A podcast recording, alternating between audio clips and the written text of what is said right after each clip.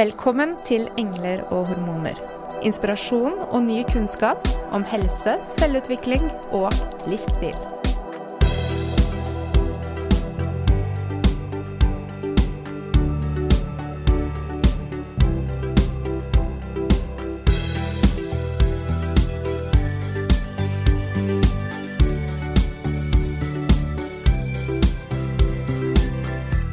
Når vi snakker om god helse, da må vi ta et dypdykk inn i de ulike strategiene vi har for å gi kroppen det drivstoffet det trenger, og de byggeklossene vi trenger for å leve et sunt liv. Og da mener vi maten vi spiser. Og kostholdet. Måten vi spiser på, ernæring, tarmhelse og de effektene som det har på kroppen. Mat og hvordan vi velger å innta maten vår, det kan føre til sykdom eller gi oss bedre helse. Og det er så mye som blir skrevet om tarm fra ulike kilder av veldig varierende kvalitet. Og vi har blitt gjort oppmerksom på at tarmen er viktig for immunforsvaret, og at hormoner produseres der. Og at tarmen også er et viktig informasjonssenter for at hjernen vår skal registrere hvordan kroppen vår har det. Så i dag så har vi invitert inn en av de vi kjenner som jobber med tarmhelse i praksis og som har påvirket hundrevis av liv med sin blogg og sine kurs for å gi bedre helse gjennom riktig kosthold. Helene Ragnhild har bachelor i ernæring, er kurs- og foredragsholder og blogger raust om sine opp- og nedturer og hvordan hun selv har erfart at man kan påvirke livskvaliteten med mat. Så har vi også sett da, hvilken positiv innvirkning denne sprudlende og kunnskapsrike mammaen har hatt på flere av våre pasienter. Så i dag er vi veldig glad for å ønske velkommen til studio Helene Ragnhild og Lille Lykke. Tusen takk. Det er veldig hyggelig å få komme. Det er veldig hyggelig å ha deg her, Helene og Lykke, som sitter fint på fanget til mamma nå. Ja, det var veldig Vi får se hvor lenge det varer. Vi får se hvor lenge det varer. Så for lytterne våre, hva er ernæring? Oi, ernæring. Og hva er fordøyelse? Ja, ernæringsfysiologi er jo um, studien om hvordan maten påvirker kroppen vår. Mm. Så det er jo rett og slett ja, hvordan det vi spiser påvirker hele det fantastiske maskineriet som vi er så heldige å få utdelt. Så um, ja, det er jo så enkelt og så ekstremt komplisert. Ikke sant? Mm. For din vei da inn i ernæringsfysiologien, den eh, ja, hva skal man si, du hoppet ganske rett i det, kanskje? Ja. Jeg ble interessert i ernæring da jeg var veldig ung. Jeg ville bli ernæringsfysiolog siden jeg var 14, mm -hmm. og da var ikke det så veldig kjent. Det var ikke så mye om mat i Dagbladet VG og sånn som det er nå.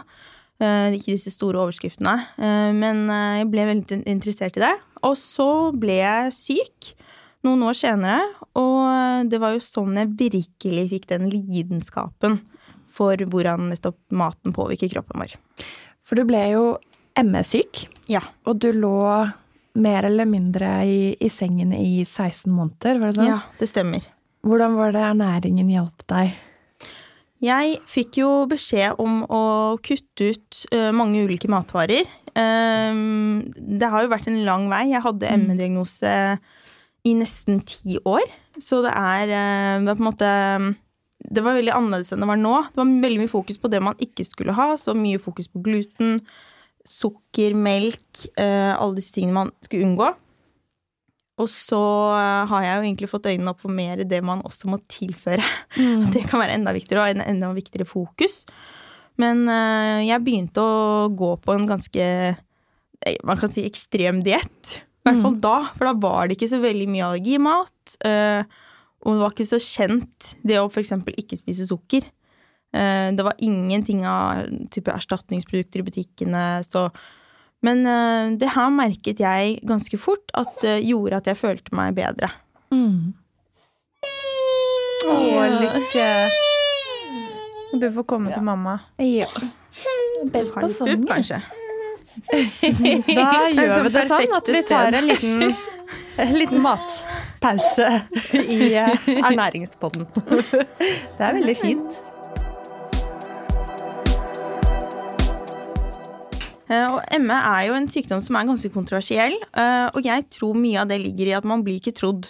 Jeg har selv eh, erfart eh, veldig, i min veldig nære familie kreft, og da møtes man på en helt annen måte. Så jeg tror denne fronten som mange ME-pasienter setter opp, er fordi man gang på gang på gang må forklare og på en måte bestemt si ifra at kanskje jeg ikke ser sånn ut, men jeg er veldig syk. Og det er noe som jeg er veldig opptatt av å få frem, det at når du har MS, så føler du deg Altså, du er veldig syk. Jeg, da jeg var på mitt sykeste, så hadde jeg dusjkrakk, eh, rullestol. Jeg måtte velge om jeg skulle spise frokost eller dusje om morgenen. Da måtte jeg hvile før jeg orket å spise. Og jeg ble veldig tynn og, og veldig, veldig svak. Eh, så det var eh, en veldig sånn vanskelig situasjon å være i eh, når man da Mange hevet øyenbryn og liksom Hva er det her? Og jeg tror det er også fronten i forhold til Jeg tror det hadde vært så mye lettere for folk å begynne å endre livet sitt selv, og, og kanskje den eh, det budskapet jeg kom med, hadde blitt tatt imot litt eh, med mindre på en måte Ja, noen blir veldig sinte når jeg sier at man kan endre livet sitt med kosthold og hvor man tenker og lever. Og det er særlig, tror jeg, fordi man ikke blir trodd. Mm. Så man er nødt til å på en måte, ja, ha den krigføringen. Både Mona og jeg vi var på et spennende foredrag på en kongress eh, i regi av Norske kvinners sanitetsforening bare for noen uker siden. Og da snakket de om dette med sykdomsprestisje. Mm. Hvor man ser at både fibromyalgi og disse diagn- sekkediagnosene ofte, Mm. som eh, er komplekse, og hvor det ikke er noen nødvendigvis klar årsak-følgesammenheng eller noe klar behandlingsregime, da, Mm. At de får ganske lav prestisje og er vanskelig å forholde seg til, både for helsevesen og i samfunnet ellers. Mm. Så det er veldig interessant, akkurat det du sier der. Til syvende og sist så tenker jeg også at det er en hard pille å svelge, men det er noe jeg har lært, eh, og blir på en måte lærer igjen og igjen og igjen, det at du har ansvaret for ditt liv, din kropp. Og det å begynne å ta det ansvaret, det kan kjennes litt sånn tungt, og, og ikke at ingen kommer og hjelper deg. Men den som skal på en måte bestemme hvordan du har det, det er deg til syvende og sist. Og da når jeg fant ut det selv, og fant ut at ok, da er det jeg som må ta ansvar for min helse, fordi Ja. det er ingen andre som har kunnskap eller kan komme og redde meg, verken med medisiner eller med råd eller fysioterapi. ikke sant? Det er liksom ingenting som gjør deg frisk. Så da fant jeg ut ok, da, da gjør jeg det, og det er også veldig sånn empowering, da. Mm. Du har valgene selv. Så det er veldig fint. Jeg ser jo det på kundene mine også, de som blir sånn åh, fader, eller jeg skal gjøre meg selv frisk og bedre. De er jo de som kommer utrolig langt. Mm. Så hvor dårlig var du når du forsto dette?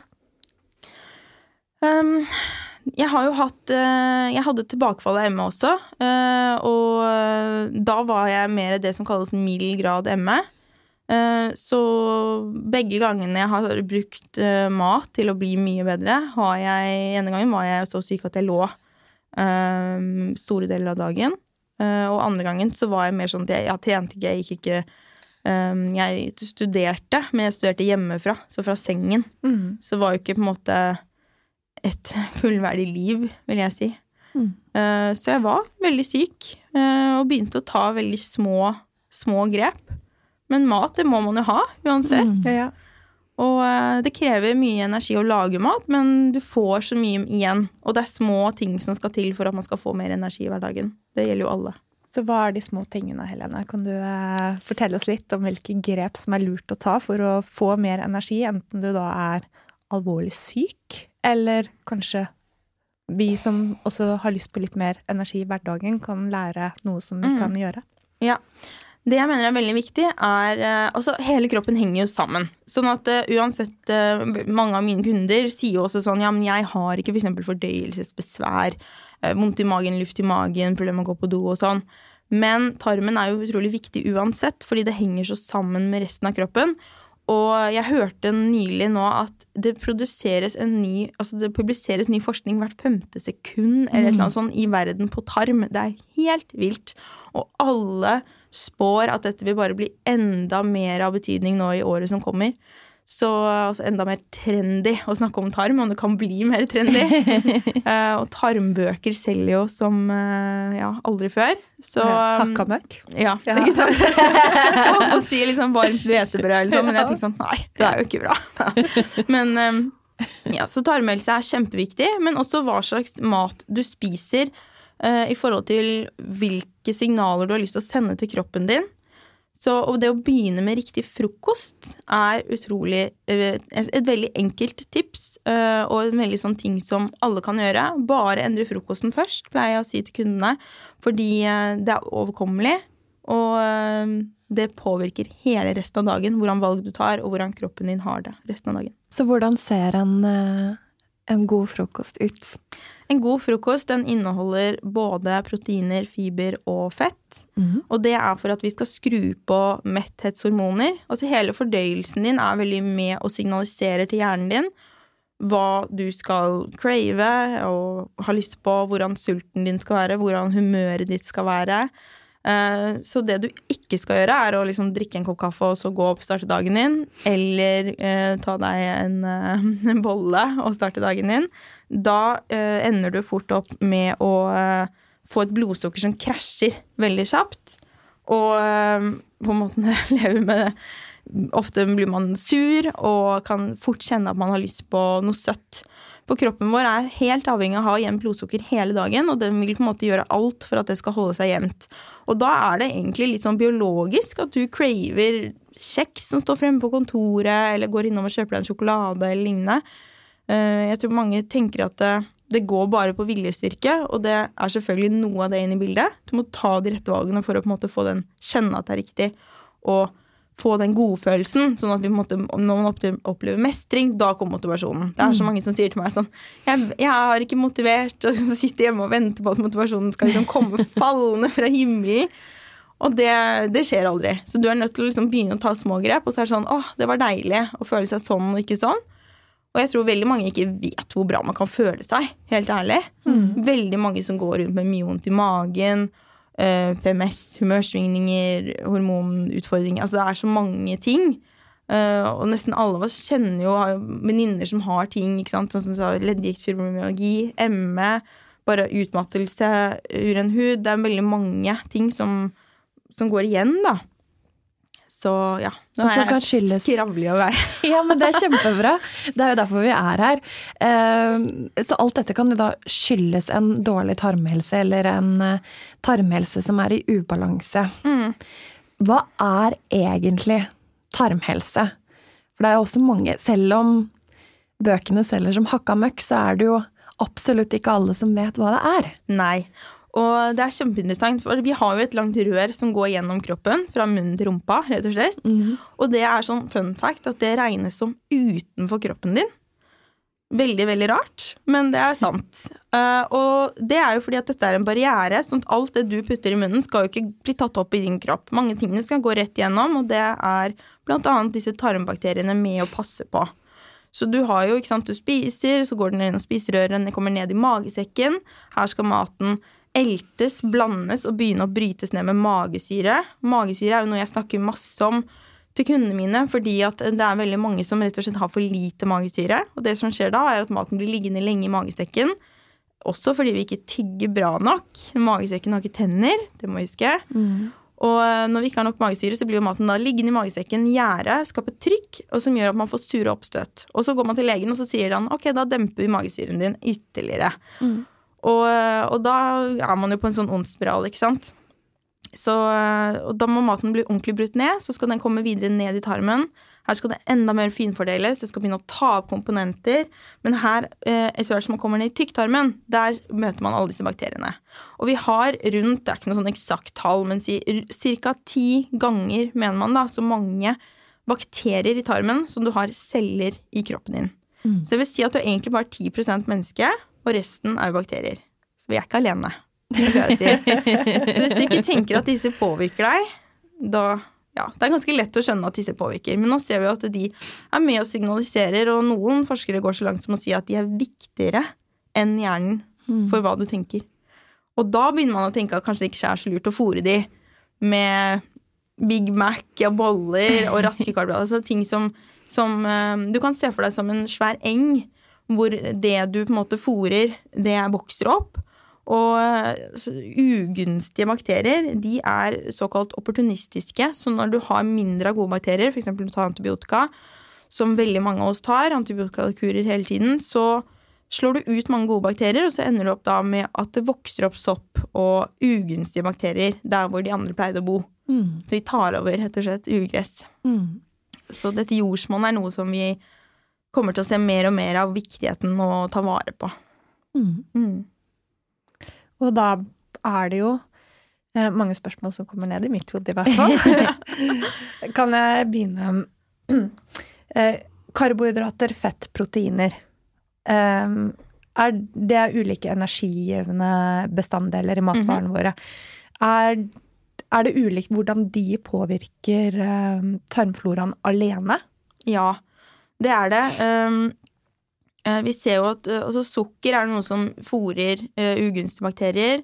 Kunstige søtningsstoffer, særlig sukralose, som fins i mye sånn um, Det blir et sånn svært tema i seg selv, men mange som um, Det er liksom, vanskelig å si hva som er mange blander da, hva som er kunstig søtning, men det er disse veldig veldig søte stoffene som ofte er i tyggis, uh, sukkerfri saft, pastiller, sukkerfri brus, ikke minst. ikke sant? Um, dette påvirker tarmfloraen. Uh, fett påvirker tarmfloraen, uh, men det fins jo masse forskjellige typer fettstoffer, ikke sant. Så Er det noen som er fett er gunstige, og noen som ikke er gunstige? Hvis du skulle fremheve ja, fett som er bra for oss, da, først.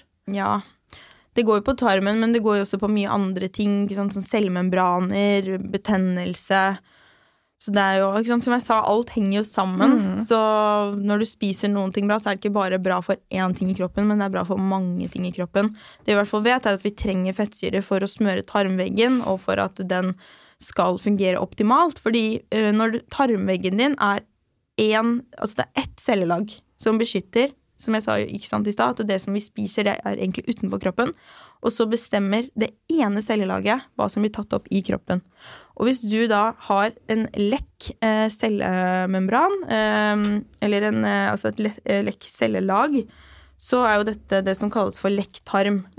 Og det gjør jo da at vi, at vi eh, kan ta opp ugunstige stoffer som kommer inn i blodbanen. Og det kan være både bakterier, virus, eh, parasitter, sånne ting, men også større komponenter av mat som egentlig skulle vært mer brutt ned før det ble tatt opp. Og det kan skape autoimmunitet. Mm. Og dette det, er jo veldig viktig. Og like godt er jo Mm.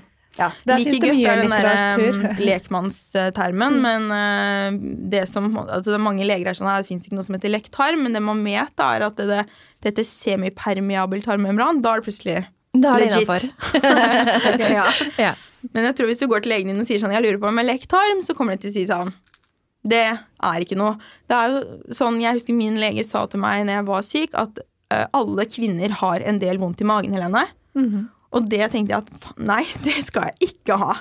Det skal jeg ikke finne meg i. Sånn skal ingen måtte ha det. Mm. Så nei, det er litt sånn.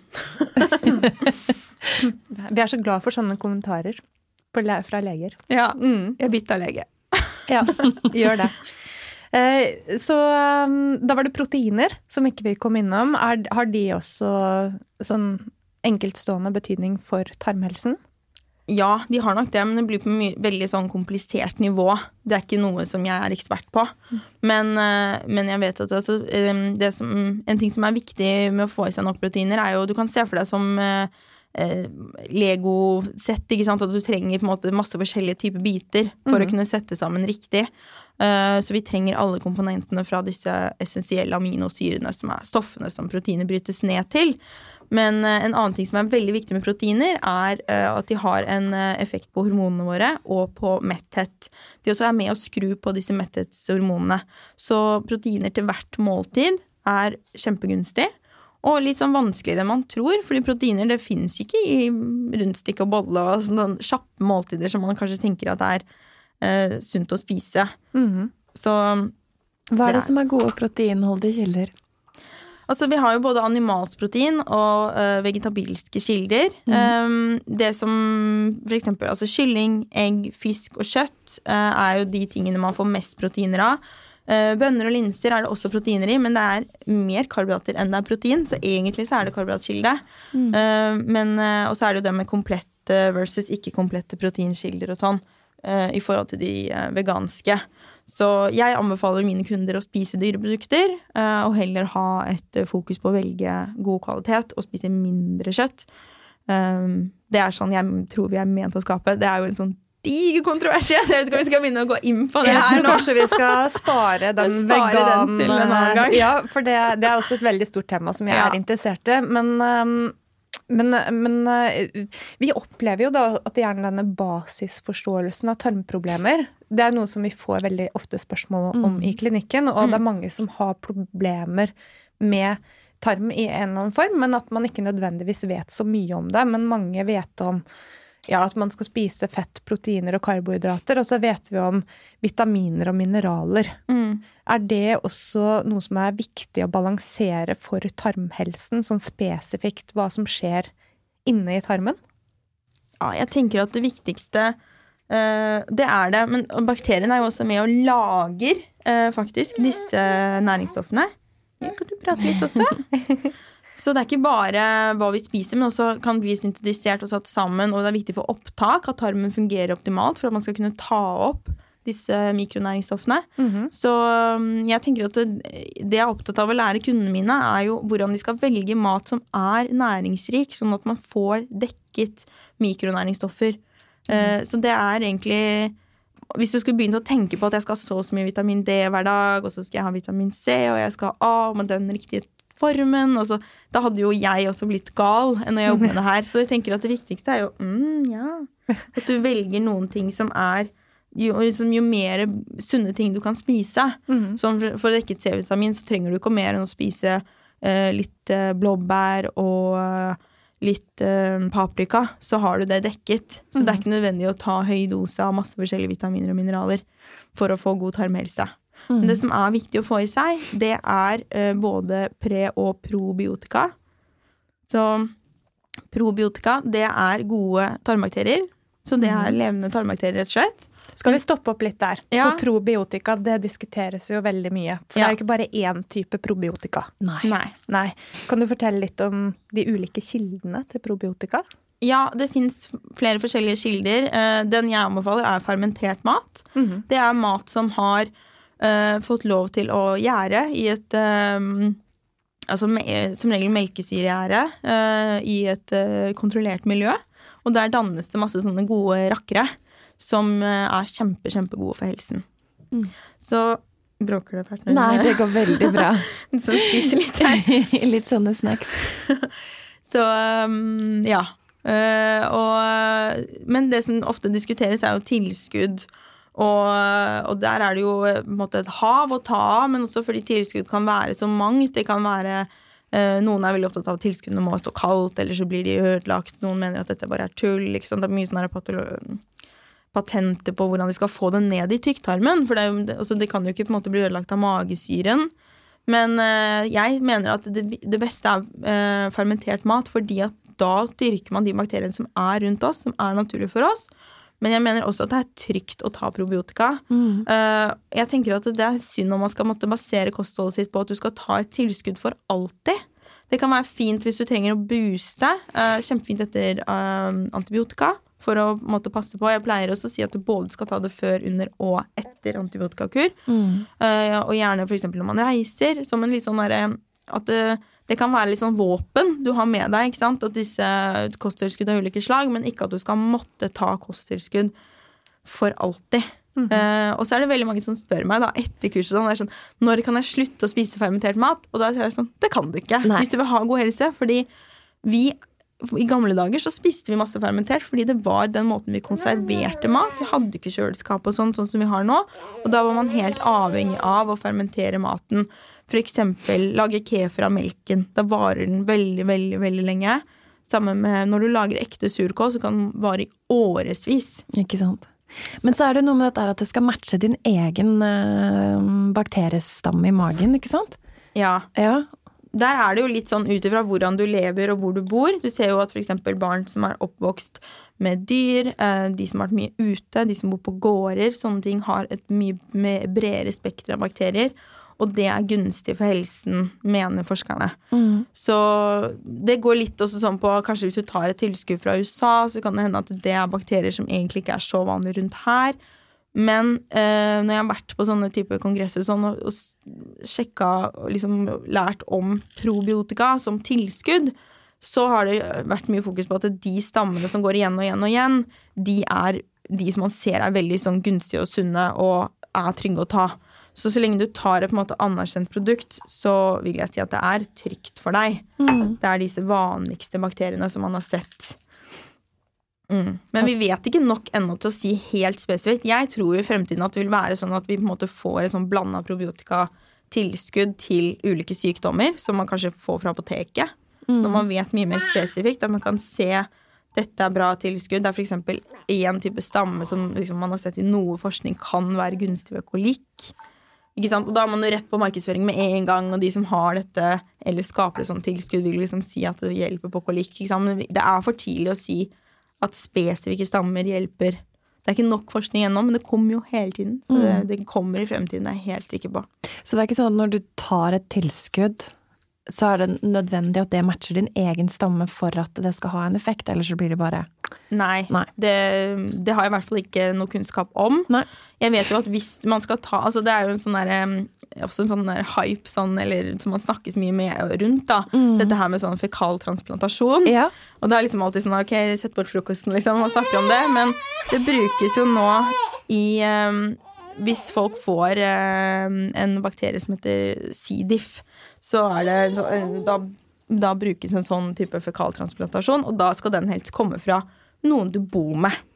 Så det er jo liksom en, en pille å svelge, da. Ja, Ja. At man da må liksom få avføring fra f.eks. samboeren sin.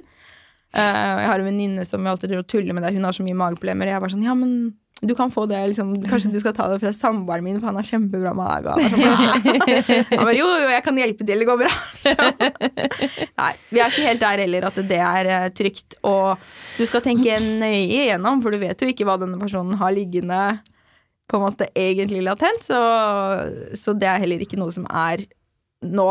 Men i fremtiden tror jeg det vil være mer vanlig. Og det har en studie nå på IBS som akkurat har kommet ut, hvor, hvor man har sett gode, lovende resultater på det her. Veldig spennende. Det er Ja. spennende det som kommer i fremtiden. Og som du sier, det kommer ny forskning hvert femte sekund. Ja, det er det jeg har hørt. Ja.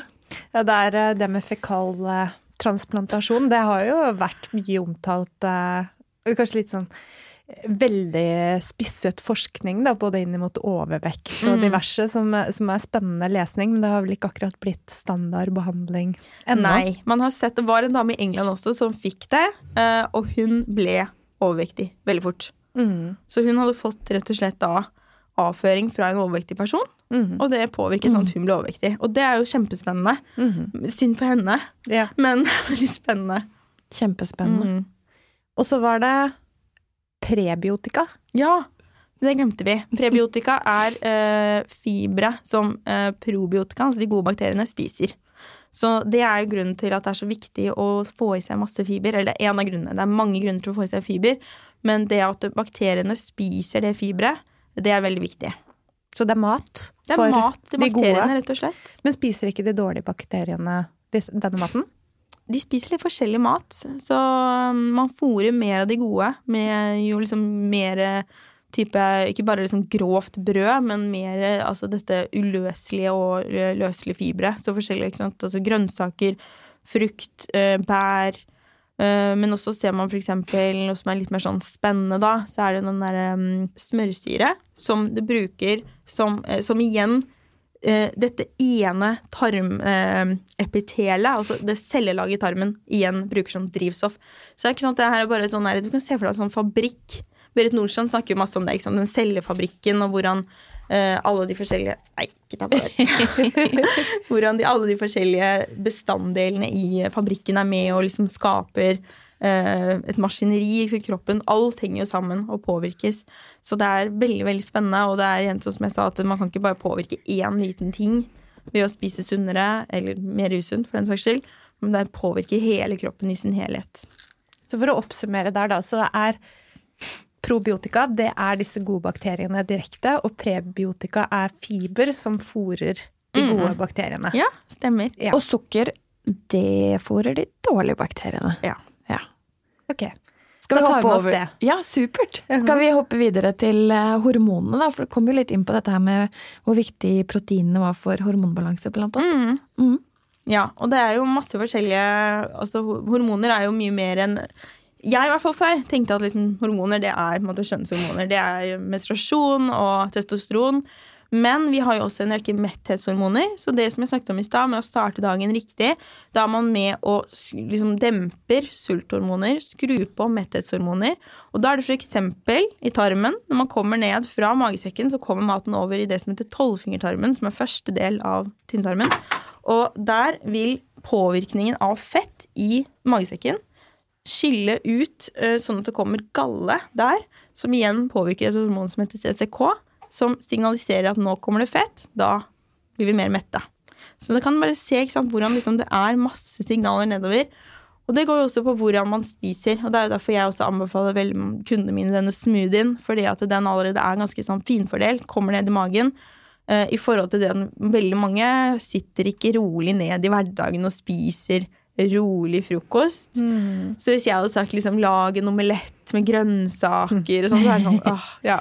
Jeg ikke, dere er jo Mm. Kjenner dere kanskje I, igjen? I en drømmeverden. Ja. Jeg kjenner at den eh, oppskriften på smoothien, den skulle jeg gjerne ha. ja.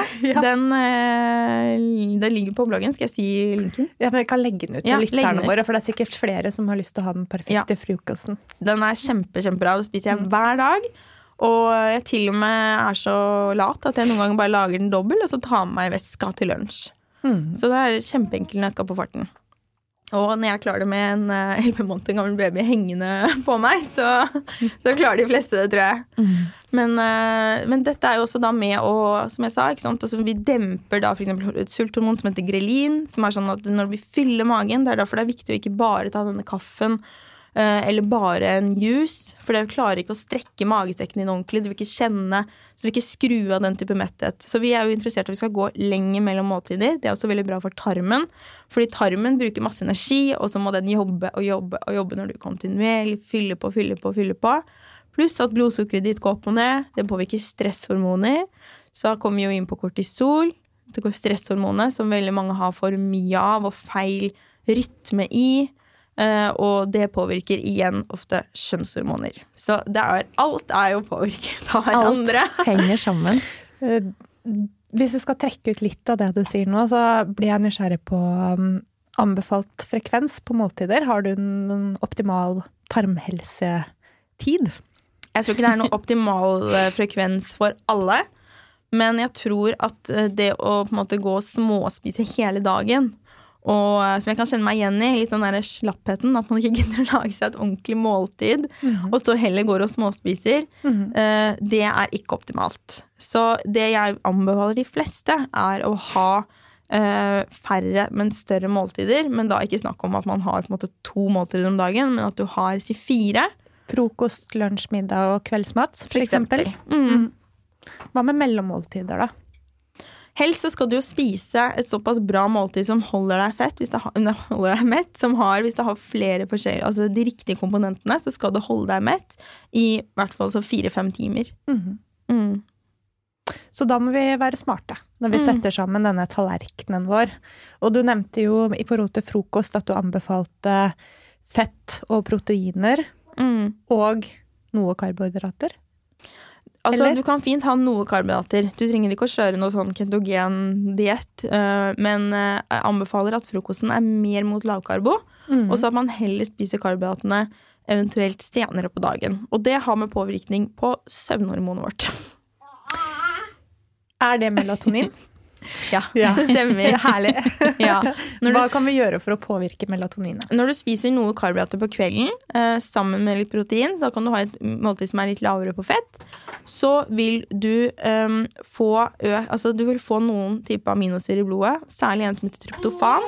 Når du har karbohydratene, så vil det gjøre at eh, andre aminosyrer fjernes fra blodet. Tryptofan blir litt sånn igjen. Eh, og det blir veldig sånn på detaljnivå, men eh, det omgjøres da til melatonin. Sånn at um, det er gunstig å, å få i seg litt. Og det som jeg også syns er veldig fint, da, med mange av disse kundene Jeg jobber veldig mye med kvinner, og det med at En ting jeg er opptatt av, er at mamma ikke skal ha en egen middag. Mhm. Og at ikke man skal ha sånn 'jeg må gå på diett'. Uh, jeg vil bort fra det. Uh, så da syns jeg det er veldig ofte en sånn fin ting at man på en måte frokost og lunsj er litt lettere å bare gjøre sin egen greie. Og ikke fordi at barn ikke kan spise den maten jeg anbefaler til frokost og lunsj, men ofte så er det hvis man ikke allerede har begynt med disse gode vanene, sånn som for meg, så er jo det enkelt. Liksom, jeg jobber jo med det her, og det er på en måte helt fra go med Lykke at hun spiser bra mat. Men hvis man på en måte ok, jeg vil endre, og, så, og jeg vil ta tak i alt på en gang, ja, nå skal vi fokusere på deg, ikke sant? Så endrer vi da liksom frokost og lunsj, eh, men at du da fortsatt kan ha dette måltidet med familie, som ofte inneholder litt mer karbohydrater. Så det funker også bra sånn, pluss at man får da eh, tilfredsstilt litt sånn den her cravingen vi har på karbohydrater, som er helt ok. Det, trenger, altså, det er jo ikke snakk om mengder, men at man får i seg noe. Og det ser man også er gunstig på eh, hormonene, både på stoffskiftet og sånn at man har noe karbohydrater i løpet av dagen. Mm. For stoffskiftet vårt, eh, det påvirkes da også av karbohydrat og det vi spiser. Ja, det er jo liksom snakk om at man trenger noe karbohydrater optimalt for eh, Det går litt på det med stress, og at liksom disse stresshormonene og påvirkelsen av de, men også på dannelsen av stoffskiftehormonene. Og vi kan spille inn mange episoder, vi, kjenner jeg. Ja. Med, med deg, Så hyggelig! Jeg blir fast inventar. Ja. Det er så mye å ta tak i. Og jeg tror rett og slett at stoffskiftet må få vente til en annen gang. Ja. Fordi at eh, det er så omfattende, og det, Ja, og det er er, ikke min, eh, mitt område i det hele tatt. Jeg er ikke noe ekspert på det, men det er mange som er det. Jeg kan tipse dere etterpå om hvem dere da eventuelt kan ha på. Som virkelig kan det, for det er jo kjempemange som sliter med det i Norge. Mm. Så, så det burde du absolutt ha en episode på. Men jeg bare, igjen så viser det bare at ikke sant, det er så komplisert, men det er så enkelt. Fordi det kommer tilbake til maten. Så hvis du velger riktig mat, så får du jo alle disse tingene på kjøpet. Så du trenger ikke å på en måte kunne det jeg kan, eller liksom se den episoden, altså høre den igjen og igjen og igjen og skrive ned alt. Men du trenger bare å måte, budskapet gå helt inn tilbake til at hvis du velger bra mat, så vil kroppen din digge det. Mm. Og der eh, har jeg lest at havregrøt er en veldig god kilde til tryptofan. Så det er jo veldig enkelt. Ja, havregrøt er fint det. da til kvelds. Mm. Men ikke, jeg anbefaler jo ikke det da til frokost. Nei. Det er eh, virkelig mye å lære om ernæring. Mm. Hvis vi kommer tilbake igjen til hormoner og syklus, da, Helene. Du eh, har jo en liten lykke med deg i dag, men den reisen har ikke vært eh, nødvendigvis så enkel. Nei. Ehm, jeg har ehm, eh, Jeg vil ikke si nødvendigvis at jeg har den lengste reisen til å få lykke, fordi her syns jeg man må ha litt perspektiv. Jeg har møtt mange som har slitt veldig, veldig mye lenger. Men man begynner å prøve, eller når jeg begynte å prøve å bli gravid, så gikk det ikke veldig lang tid før jeg, jeg fikk fryktelig dårlig tid med å bli gravid. Og, eh, og da Det føles det veldig tungt eh, når det ikke skjer. Så eh, jeg gikk etter hvert, etter lang tid, til en gynekolog. Jeg prøvde å altså, fikse meg selv. Og etter hvert så tenkte jeg ok, jeg må sjekke hva som skjer. Mm. Og da fant jeg ut at jeg hadde noe som heter PCO. Og det er jo eh, når eh, man ikke får eggløsning jevnlig. Og det ligger på en måte igjen sånne follikler heter, eh, oppe i eggstokkene. Så man har sånn masse sånne små egg i eggstokken som man kan se. Mm. Mm. Som skulle ha vært sluppet. Mm. Ja, det er det jeg tror, i hvert fall. Mhm. Mm. Polycystiske ovarier. Ja. Og så eh, hadde du ikke syklus da så ofte. Nei, det kunne gå opp til et halvt år mellom. Så det var veldig veldig sjelden, og det var jo derfor jeg også til slutt gikk og sjekket. Og det anbefaler jeg også andre som har når man prøver å bli gravid, men ikke har hjemlige sykluser. Da er det synes jeg, veldig innafor å gå litt tidligere og sjekke hva som skjer. Mm For mange er jo opptatt av at man skal vente et år, men om, hvis det er noe som ikke er helt på stell, så får man på en måte ikke muligheten til å prøve.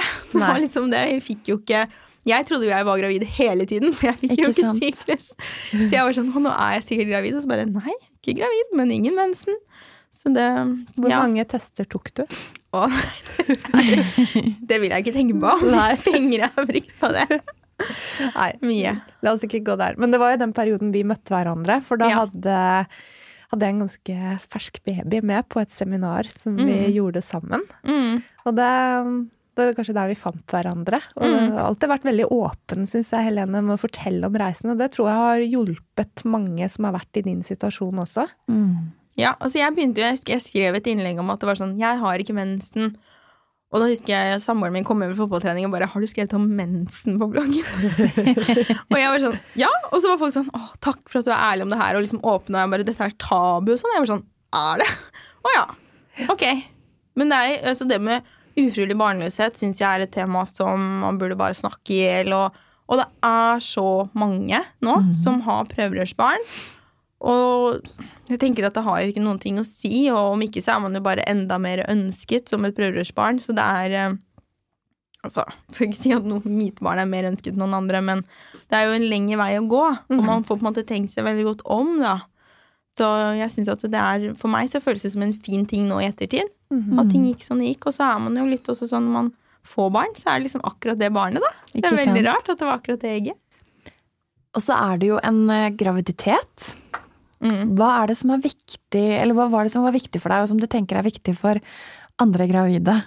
Ernæringsmessig. Det var skikkelig sånn hardt for meg, husker jeg, når jeg ble gravid. For jeg ble så kvalm, og jeg hadde så aversjon. Og en dag husker jeg, altså det eneste jeg klarte å spise, var loff med smør. Og jeg kastet opp hver dag hele tiden, sånn at jeg måtte liksom stoppe bilen og kaste opp. Løpe inn og finne bøtter og kaste opp. Uff, jeg Og- kjenner meg. Ja, uff, det er så kjedelig. Og jeg bare, å, jeg har ikke lyst på noe av det jeg er vant til. Og så en dag så spiste jeg nudler. Og da husker jeg at samboeren kom hjem og bare Hva har skjedd med kjæresten min? det var liksom ja, Ernæringsfysiologen spiser nudler. ja, det var krise. Ja. Men så tenker jeg at det er veldig fint, fordi hver gang jeg har en sånn erfaring, så prøver jeg å tenke sånn Hva skal jeg lære, og hva kan jeg lære andre? Og da lærer jeg jo veldig at jeg kan kjenne meg igjen i andres utfordringer. For jeg tenkte jo før at liksom, nei, bare spise sånn når man er gravid. Slutt å klage, liksom.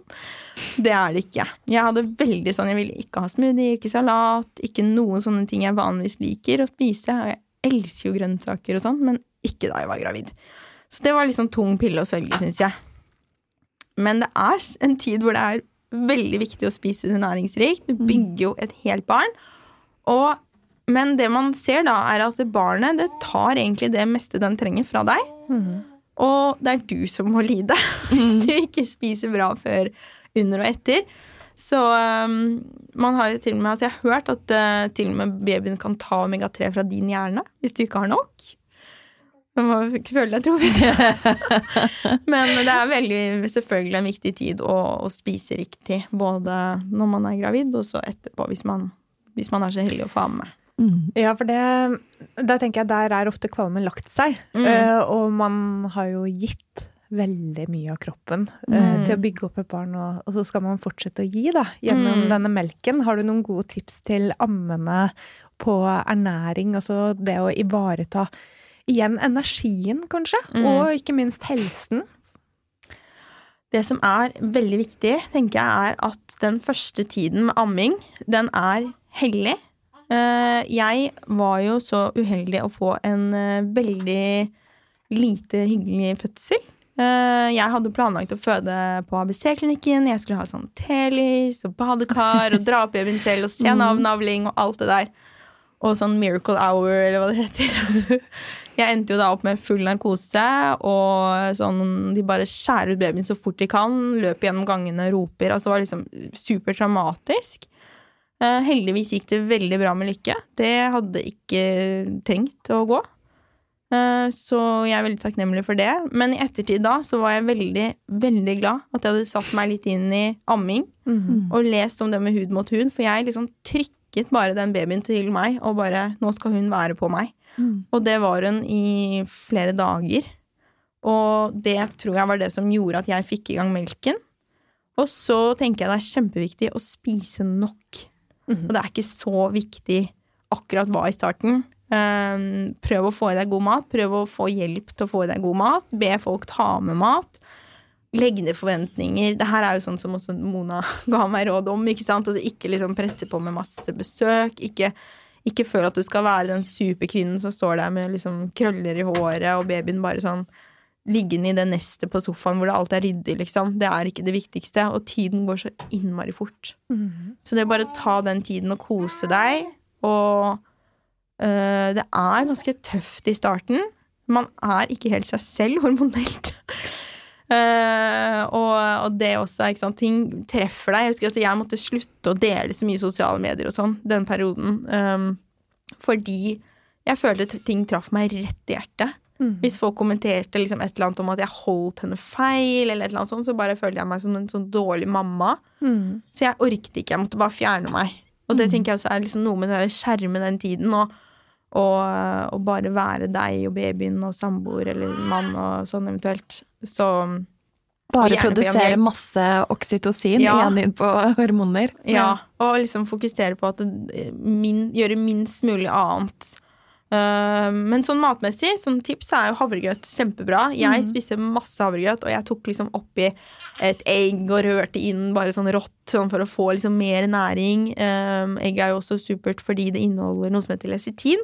Det er et stoff som emulgerer, dvs. Si blander fett og vann. Og det kan være med å motvirke brystbetennelse. Mm. Mange Fordi, tar det som ja. tilskudd. Det kan man også veldig gjerne gjøre. Det gjorde jeg også. Mm. Ja, i starten. Uh, og så fikk vi jo også på, se da hvor mye det med mat påvirker helse. For det viste seg at uh, Lykke har uh, allergi mot melk. Så de første ukene så gråt hun etter hvert, da. Det gikk liksom en uke, og så var liksom alt som var så rolig, og jeg bare «Åh, yes, liksom ingen kolikk og sånn. Og så begynte hun å gråte, og gråt og gråt og gråt. Så jeg byssa jo veldig mye, og eh, var veldig sånn jeg skjønte ikke liksom at det var, det var ikke sånn her det skulle være. Jeg hadde jo selvfølgelig bygd meg opp enorme forventninger om hvordan det skulle være å være nybakt mamma. Og, eh, og det var veldig tøft. Men så var jeg jo heldig og hadde kunnskap og, og kutta tidlig. Så, eh, og det vet jeg mange også ikke var så heldige med, da, at de ikke visste og liksom trodde at det var kolikk, ikke sant. Mm. Så ja.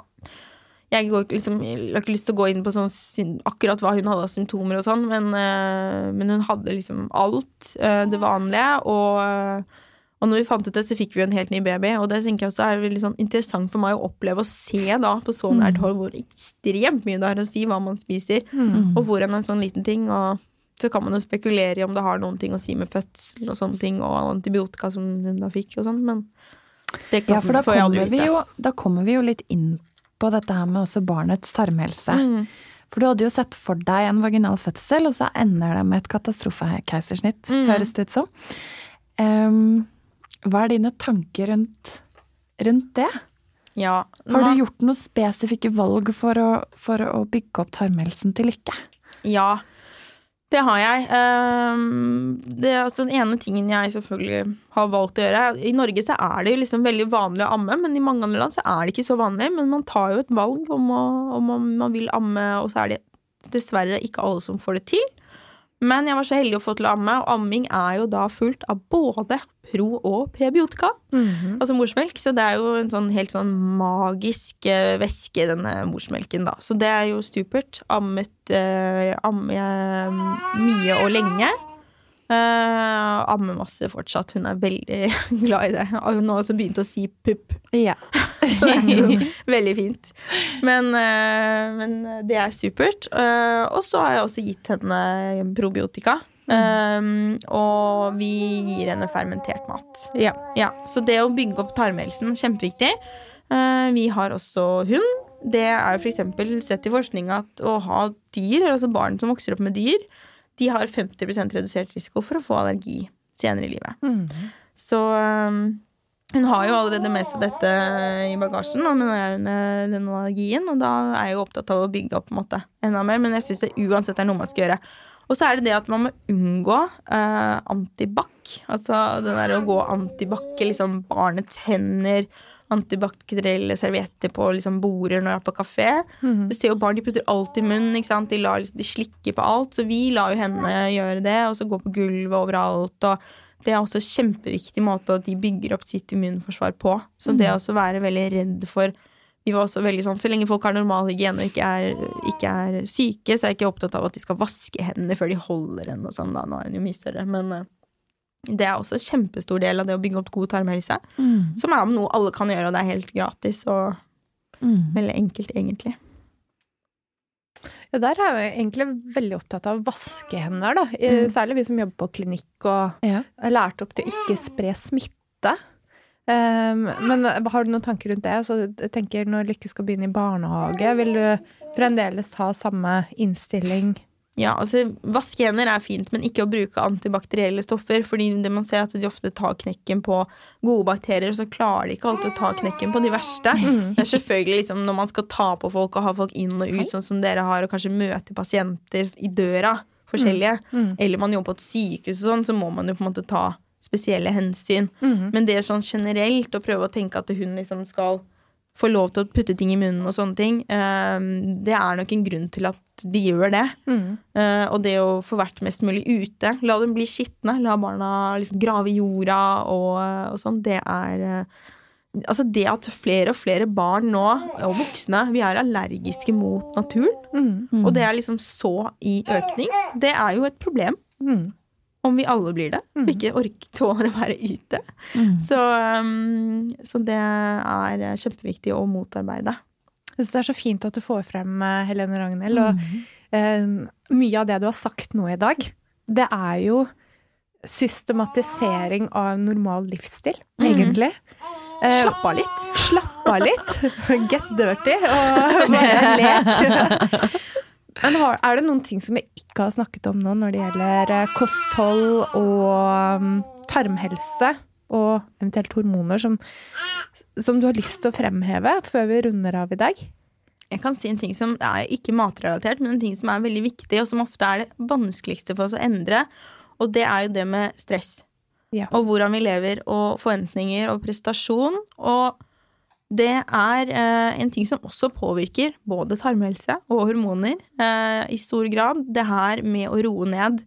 Og, og det er ikke sant, så svevende, men man ser at liksom, det stress det påvirker helt på cellenivå, på eh, altså på hormonelt nivå. Så hvis man hadde på en måte virkelig satt seg inn i det, og sånn som jeg har gjort, mer altså tenke på min egen kropp at liksom, ja, men hvis jeg stresser, så skjer dette, får utskillelse av, av kortisol og, mm, og føler meg dårlig etter hvert. Og liksom det stenger forbrenningen, det stenger eh, ikke sant? Altså, Man ser eksempel ammingen, da, at det kommer i gang med kjærlighetshormon. Det her er ikke bare sånn Stress er ikke bare at man må løpe til skolen med tre barn som skal leveres. Det er så mye mer enn det. Så um, det å begynne å bruke aktivt eh, avspenning og det å liksom redusere stress, altså, altså stressmestring For vi har jo et samfunn som er bygd opp på mye stress. Men det er så mange ting du ikke må gjøre. Så det også er sånn eh, Det å legge ned på en måte forventninger Jeg ser sånn som nå i, bare i, i jula, når liksom, folk bare sånn Ja, er det travelt? Vi bare Nei, vi har bestemt oss for å gjøre litt mindre nå i jula. Ha mer dager og bare være hjemme med Lykke. Og da var liksom folk helt sånn hva skal jeg si tilbake, liksom? Fordi det er jo på en måte sånn Man skal selvfølgelig da i tolv selskaper, og alle skal ha på nye klær hver dag. Altså barna, man skal liksom spise sånn, og alle skal ha kjempemange gaver. Og det å jobbe aktivt med det, det vil også være Det er en del av god helse som du ikke kommer unna. Det er ma mye vanskeligere å endre enn å ta en pille eller å endre frokosten sin, men det, det er så viktig, særlig hvis du har utfordringer med utmattelse, så er det også jobbe med, med å roe ned, og gjerne da bruke aktivt det er det jeg gjorde, da. Bare å bruke aktivt eh, ikke, Jeg vil ikke si meditasjon, for det er mange som liksom møter med sånn, men jeg brukte mye sånne guidede meditasjonsfiler. Bare gikk på YouTube og sånn. Og det hjalp meg veldig. Det å liksom komme ned, lande, Mm. hver dag. Og apropos dette med mental trening, så eh, har vi jo en episode med mentale trener eh, Anniken Binds som eh, ligger ute, eh, og som faktisk følger litt akkurat det som du sa, hvor vanskelig det kan være å endre vaner, men det er ikke umulig. Det er ikke det. Så hvis vi skal oppsummere dagen i dag, og dagens episode Mona? Jeg syns det er fint å se hvordan, når vi snakker med fagpersoner, hvordan det føyer seg inn i rekken av eh, å komme litt tilbake til basic. Mm. Eh, At ting ikke nødvendigvis behøver å være så komplisert, men eh, at de enkle tingene som er altså, Som å stresse ned eller puste dypt, eh, meditasjon eller mindfulness, eh, og eh, redusere stresshormoner, kanskje god søvn, Mm. og sørge for disse gode byggesteinene med kunnskap fra deg, Helene Ragnhild. Det, det er eh, enkle grep som, som jeg tror mange kan få til i Mm. hverdagen. Men det ser vel du også hver dag? Ja, det kommer jo liksom tilbake til det å ta ansvar, da. Selv. Mm. og Kjenne etter. eh, og kjenne etter hva er det som Hva er det som er riktig for meg nå? Vet Hva skal jeg prioritere? Mhm. Jeg skal prioritere sånn som For meg så er jeg beinhard på det med mat. At jeg, jeg må ha god mat.